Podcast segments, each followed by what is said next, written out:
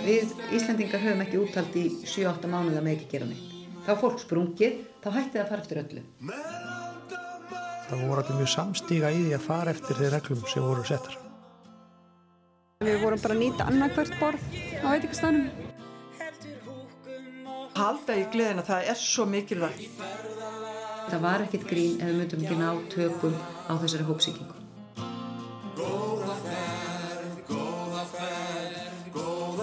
Þessi COVID-tími í Vestmannum var bara erfiður að mörgu leiti.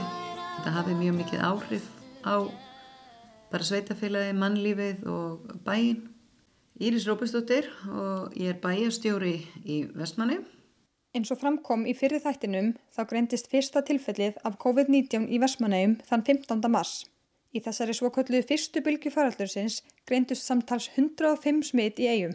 Um 700 manns fór í sóttkví sem er rúmlega einn af hverjum sex íbúum. Síðasta smittið í fyrstu bylgunni greindist 20. april 2020. Ég heiti Sóli Guðmundsdóttir og þetta er setni þáttur af tveimur sem fjallum áhrif fyrstu bylgu COVID-19 í eigum. Fólk tók þessu bara alvarlega og það hlýtti þessum fyrirmælum alveg. Þegar eitthvað ábjátar í Vestmannum þá stendur fólk rosalega vel saman. Lauruglan upplifið það ekki, hún þurfti að vera að skipta sig mikið af fólki eða neitt svo leiðis. Fjölskyldurnar eittu náttúrulega miklu meiri tíma saman en venjulega og það kannski að jákvæða. Og krakkarnir voru í rauninu ótrúleir í þessu öllu. Þau skildu það að það þurfti að taka svolítið öðruvísi á hlutunum. Lífið var bara öðruvísi. Lífið var bara með mamma og pappa, ekki með vinnunum.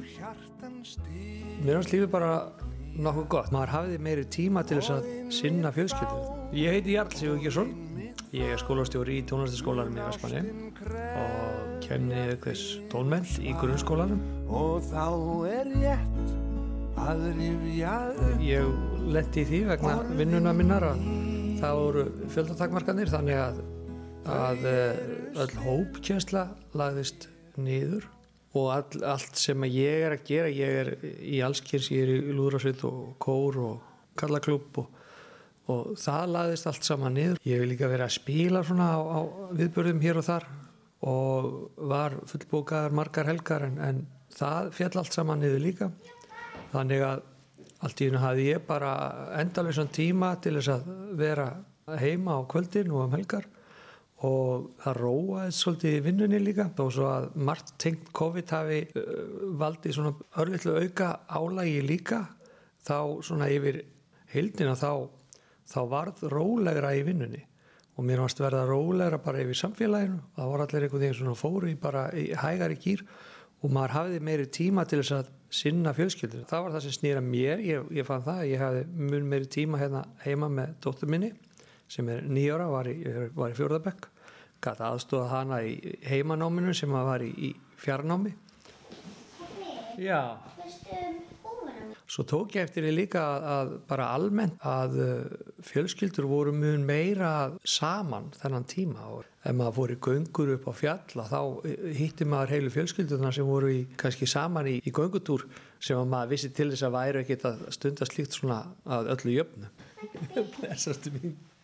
mm.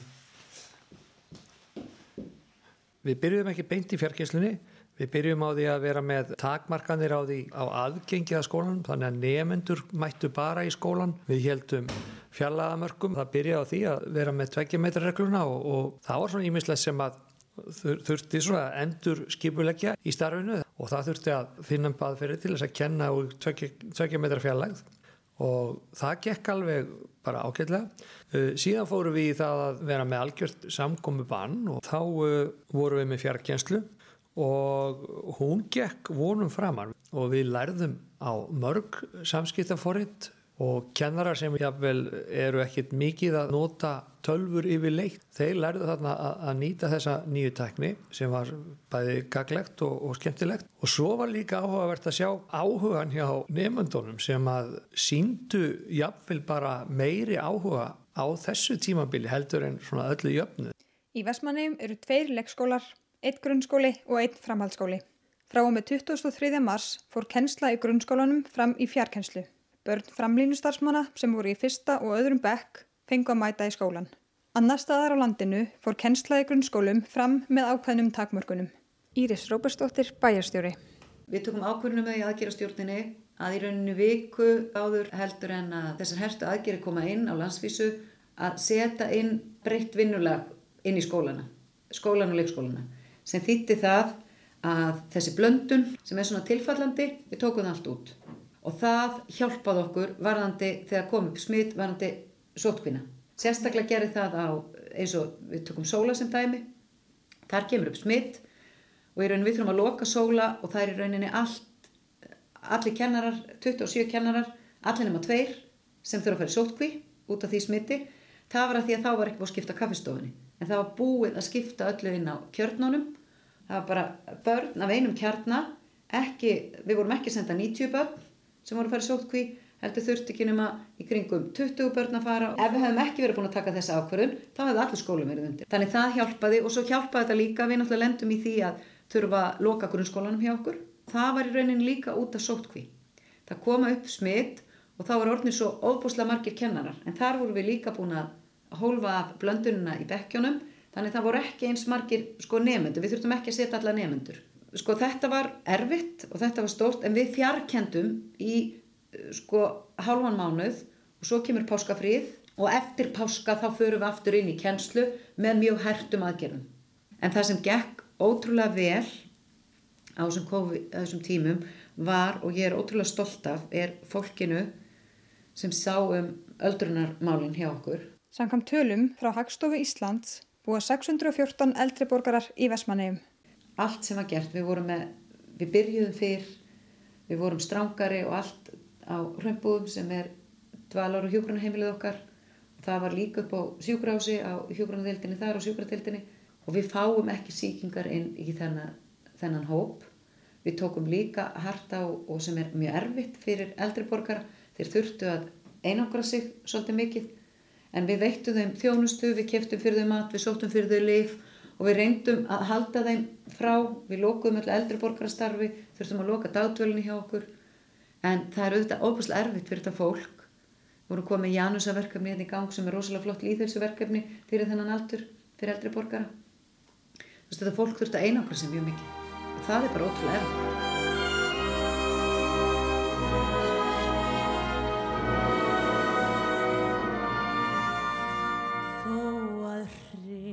þessi hérna Janusaleikfemi sem við fórum eh, í rauninni nýbyrjuð í sem hafi byrjað í september á síðasta ári hún var gjörsanlega búin að breyta líf okkar. Hún var bara, við vorum búin að hitta svo skemmtilegt fólk og þetta var svo mikil upplifun að gera æfingar og finna maður var bara flottur og fýtt maður gæti alveg fylgst með og svona.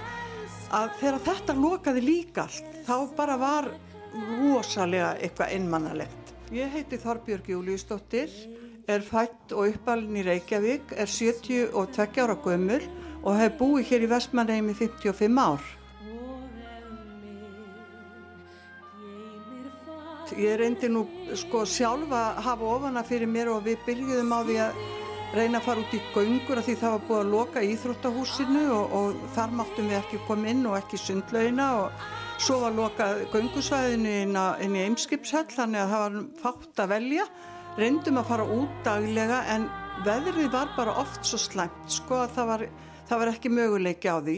Og svo á ég vinkonu sem ég heimsótti svona til að resa upp á sálinna og svo verður hún veik þannig að ég þurfti að fara í sóttkví og sem sagt var það forðast allt mitt fólk og þau voru að koma hérna kíkja á gluggan og heilsu upp á ömmu. Og mér varst það nú frekar svona eh, sérstöku upplifun. En ég reyndi samt sko að láta mér ekki þú veist leiðast. Ég tók upp á því að fara að prjóna. En eins hérna fórum við í svona hjónin í svona hámhorf. Hórðum á hverja þáttaröðin á fætur annari Svo ringdum við í vinn okkar sem að voru í einangrun og sagðum nú skulum við horfa á þennan þá, þess er æði og svo ringdu þau og spurðu er, er eitthvað nýr þáttur sem þeir eru með?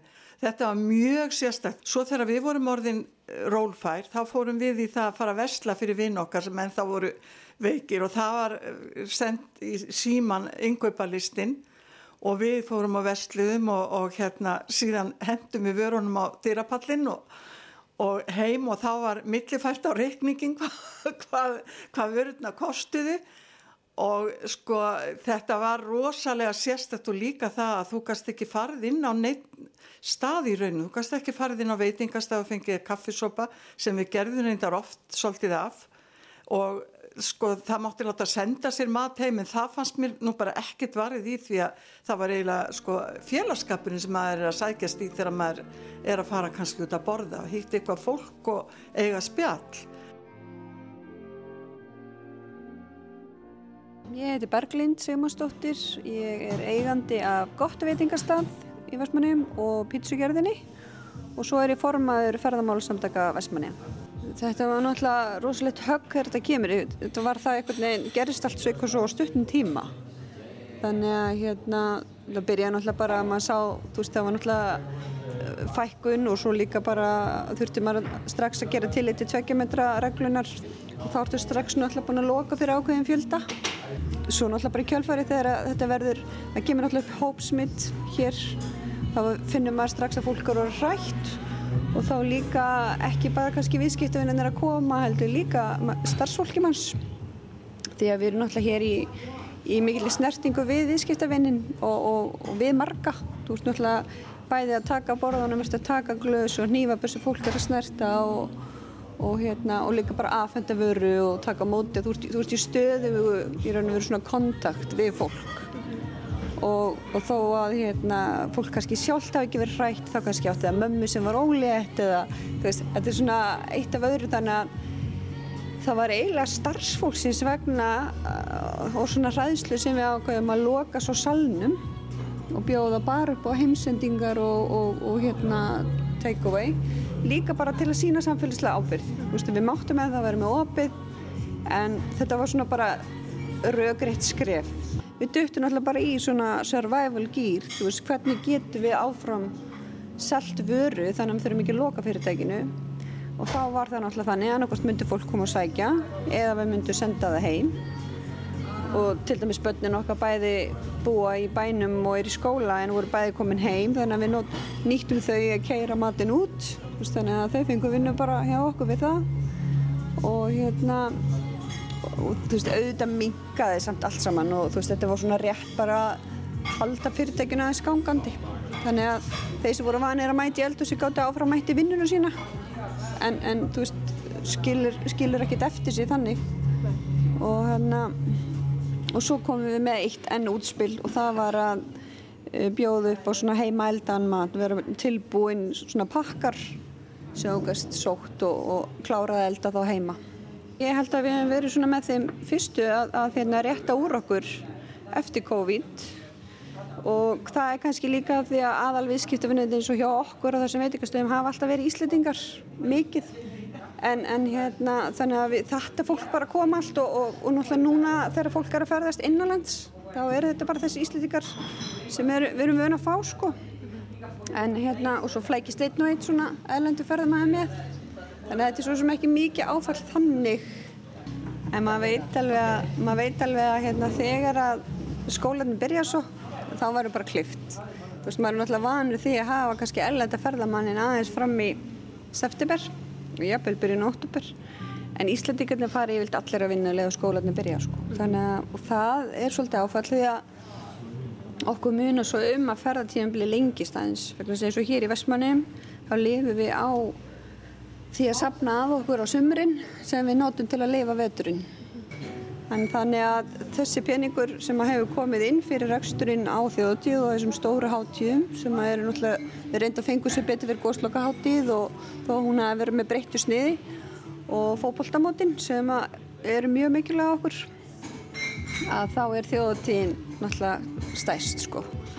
Það má segja að hlutabóta leið ríkistöðunar hafi verið það sem var okkar líflina að ná að halda starfsfólkinu að þó að það hafi róast um hjá okkur og, og þetta, við nýttum hana í held í tvo mánuði þannig við bara einfalda þurftum það ekki lengur þegar sumarið svona byrjaði og, og já, má ég lega segja að þetta hafi verið svona líflina fyrir okkur. Við, ég er náttúrulega eins og sé formaði ferðamálsamtakana og, og markmið hjá okkur fyrir þetta ár var að fara að laða á okkur fleiri ferðamenn, erlenda ferðamenn en breyttum því þá bara yfir í að laða okkur íslenska ferðamenn og það hefur gengið vel. Það er búin að vera mjög gott að gera í sumar en það er eins og ég segi, það, það er eiginlega bara dögið þá fram að ágúst, loka ágúst.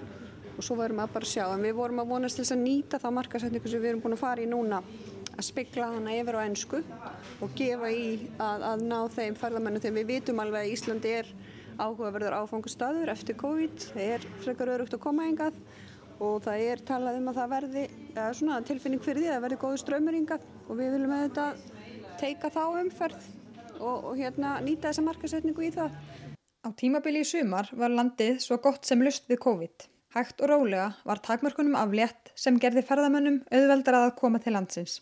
Viðbrögð við COVID-19 á Íslandi voru farin að vekja aðtegli Erlendis. Það gerði heimsókn til Íslands að spennandi kosti.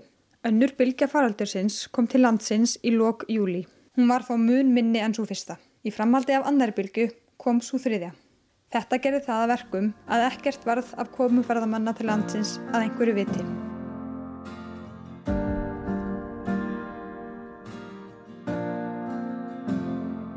að þjóðatísi blásin af þú veist það er kannski þannig að fólk lítið á þetta bara sem jólin, ég minna dagatalið eigum er yfirleitt talað um fyrir og eftir þjóðatíð. Hörður Óri Grettisson frangatastjóri í IBF það fylgir þessu náttúrulega gríðalög kostnar að halda þjóðatíð og, og fastu kostnar við þjóðatíð er í raun og veru alltaf svo sami alveg sem að hvort þú sért með í raun og veru 2000 manns eða 15 manns þú þarf alltaf að setja upp hljóðkerfi og ljós og gæslu og klósett og, og allt þetta sem þessu fylgir. Fyrir þetta COVID þá náttúrulega var búið að hafa samband vingo um að búa til þjóðtjálag og, og hann var klár með það lag náttúrulega eðlilega því við náttúrulega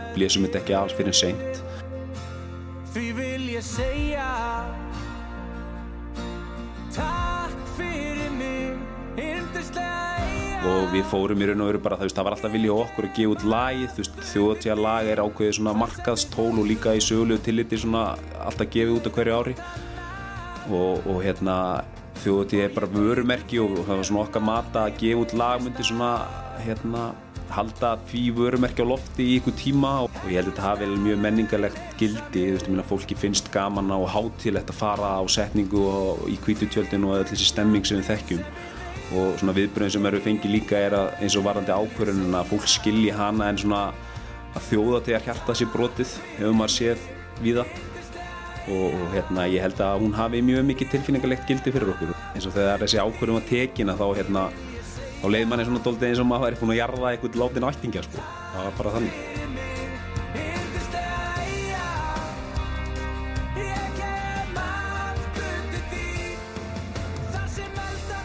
Hvernig var að reyka fattabúð þegar COVID stóð sem hæst? Það var svolítið öðru sig. Ég hérna svona þegar COVID kom til Vestmanæja fór það náttúrulega rosalega hratt að stað og ég byrjaði strax á því að þurfa að fara í sótkví að því að tindababbi minn smitaðist. Ég fekk að reynda að stela hérna starfsmanni úr annari búð að því ég lendi í svo miklu vandræðum. Að ég veit ekki mikið um fyrstu tvær vikunar að því ég var bara heima í, í, í sótkví en en ég sá það náttúrulega á, á tölunum að það var ekkert, ekkert að gerast en það var náttúrulega allstaðar. Ég heiti Sváþara Ólafsdóttir og ég á fatabúðina Sölkuverslun í Vestmannegjum. Ég hérna, það var alltaf á planinu að búa til heimasíðu og það hafði einhvern veginn aldrei gerst svo loksist þannig að ef maður er að fara að sita heima hjá sér í tvær vikur þá verður maður heldur betur að gera eitthvað annað en bókald og, og þá stopnaði ég heimasíðu bara með hjálp frá kæristanum mínum og þannig að það allavega hjálpaði eitthvað til og, og hérna fólk svo sem gætt panta það á netinu og þurfti ekki að fara neitt eða gera neitt. Þið hefur eksturinn fengið eitthvað högg út af COVID? Já, svona fyrstu mánir voru náttúrulega ótrúlega lélir og erfiðir en það sem sumarið er búið að vera mjög gott og kannski aðeins betra heldur en í fyrra sumar þá svona myndi ég halda að þetta komi út af því það sama þannig að ég er alveg rosalega heppin að, að koma út á nulli á þessu ég held að hérna golvöldurinn í Vestmannum sé að trekja ótrúlega mikið af fólki og það er bara ótrúlega mikið íslendingum sem eru búin að vera að koma enga í allt suma sem eru að koma í fyrsta skiptið eða bara koma á hverju ári og allavega og halda gólmóti hérna. það eru alls konar golfferðir sem hafa átt að vera erlendi sem fólki hefur bara breytt og verið með hérna í eigum þannig að ég held að ég sé búin að græða heldur betur á því.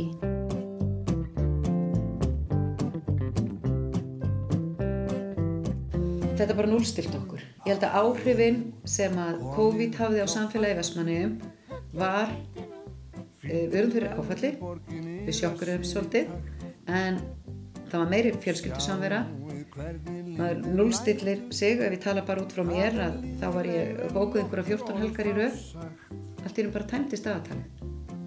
Þetta var bara pínu gott, en auðvitað aðstæðunar og ástæðunar vondar. Þetta ítir manni aðeins niður og ég held þessi samvera það að, ég meina, ég á stelpur sem er 14 ára og strák sem er 20 og við hérna vorum að spila á lögataskvöldi. Við hefum ekki spilað á lögataskvöldi rommi ef það hefði ekki verið COVID.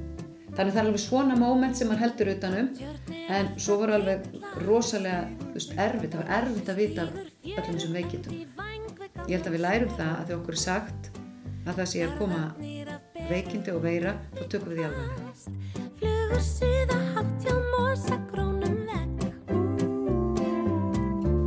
Allt samfélagi tók þátt í þessu. Ég meina búðirnar stýttu opna tíma sín.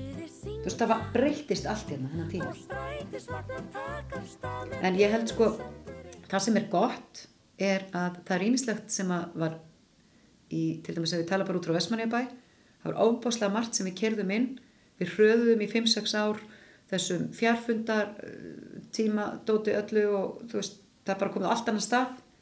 Við erum farin að ræða það að við erum með þessa, með þessa sveigi að fólk geta unnið heima. Sérstaklega, þú veist, við erum með ákveðin þeir aðlega sem er ekki þjónust og annað að það er ákveðin verkefni sem krefjast mikil snæðis, stundum er erill á skrifstofunni, þannig fólkið hafi val. Allt þetta kerðu við í gegn miklu hraðar. Og ég, þú veist, það er gott og ég held að við getum búið alveg til betri vinnustaf ég held að það sé margt sem við getum lært af því að taka tillit og gera. Og ég held að bara allir hafi lært það. Og ég held að margir hafi breytt verkferðlunum sínum. Og það er ímislegt, ég til dæmis óskaði eftir því frá öllum og það er verið að vinna úr því frá öllum fórstöðumönnum hvað, sko, við veitum í rauninni svolítið hvað var erfitt í COVID en ég vildi fá að vita hvað gekk vel í COVID hverju vilja fórstöðumönnum hafa Já, mér fannst það algjörlega frábært vegna þess að það er, eins og við vitum, það er svolítið flott að vera ekki spennt fyrir skólum. Því miður, þá erum við að vinna í því að það á að vera flott og vera, maður á að vera spenntur og hafa gaman að það fara í skólan. En krakkarnir voru náttúrulega orðin rosalega glöð að fá að hittast. Og bara, ég held að þau hefur upplifað, ég held að börn hafi upplifað það að það er ekki sjálfsagt að geta gert það sem við viljum þegar við viljum. Sko sumarið og hátíðarhöldin í sumar hafa bara gengið vel. Við tókum strax ákverðun í öllum þessum látum að anda í þetta. Vestmannegar hafa mikið aðdráttarafl fyrir ferðamenn á sumurinn. Í eigum er til dæmis haldin þjóðháttíð, góðslokaháttíð og fókbaltamót fyrir börn. Sko við hefðum alveg geta ákveðið að ekkert yrði hér í sumar í ljósi þess hvernig aðstæðuna voru hérna í byrjun april. Við fundum það bara eftir hérna gríðalega erfiða vetur þar sem við vorum mjög mikið innilokuð að við verðum einhvern veginn að hafa eitthvað að laka til. Þarf ekki að vera þannig að við tökum allt út úr þessu sumri, að við hættum við allt. Sjómanadagurinn var ákveðið að hafa hann. Við reyndar heldum ekkert á sumandaginn fyrsta. Við tökum ákverðunum og sjómanadagsrátt tekur ákverðunum að breyta sínum hátíðuhöldum. Það er þessar kvöldskemtanir sem er að fara út. Eh, svo er góðslokkin, við tókum strax ákverðunum þegar við vorum svona að koma út úr þessu í mæ að við myndum stefna að halda góðslokk, vissum bara ekki hvernig. Held að sé bara óbúslega mikilvægt að það sé einhver tilbryting vegna þess að ef þú vilt fá fólk til að fara eftir reglum, við Íslandingar höfum ekki úttalt í 7-8 mánuða með ekki gera neitt. Þá er fólk sprungið, þá hætti það að fara eftir reglum. En ef þú ert að koma með þessa viðförði og ert að gera þetta með þessum hætti, að það sé hægt að gera hlutina en auðvitað förum við algjörlega eftir því sem við erum að gera og við erum alveg sko mjög ströngið því.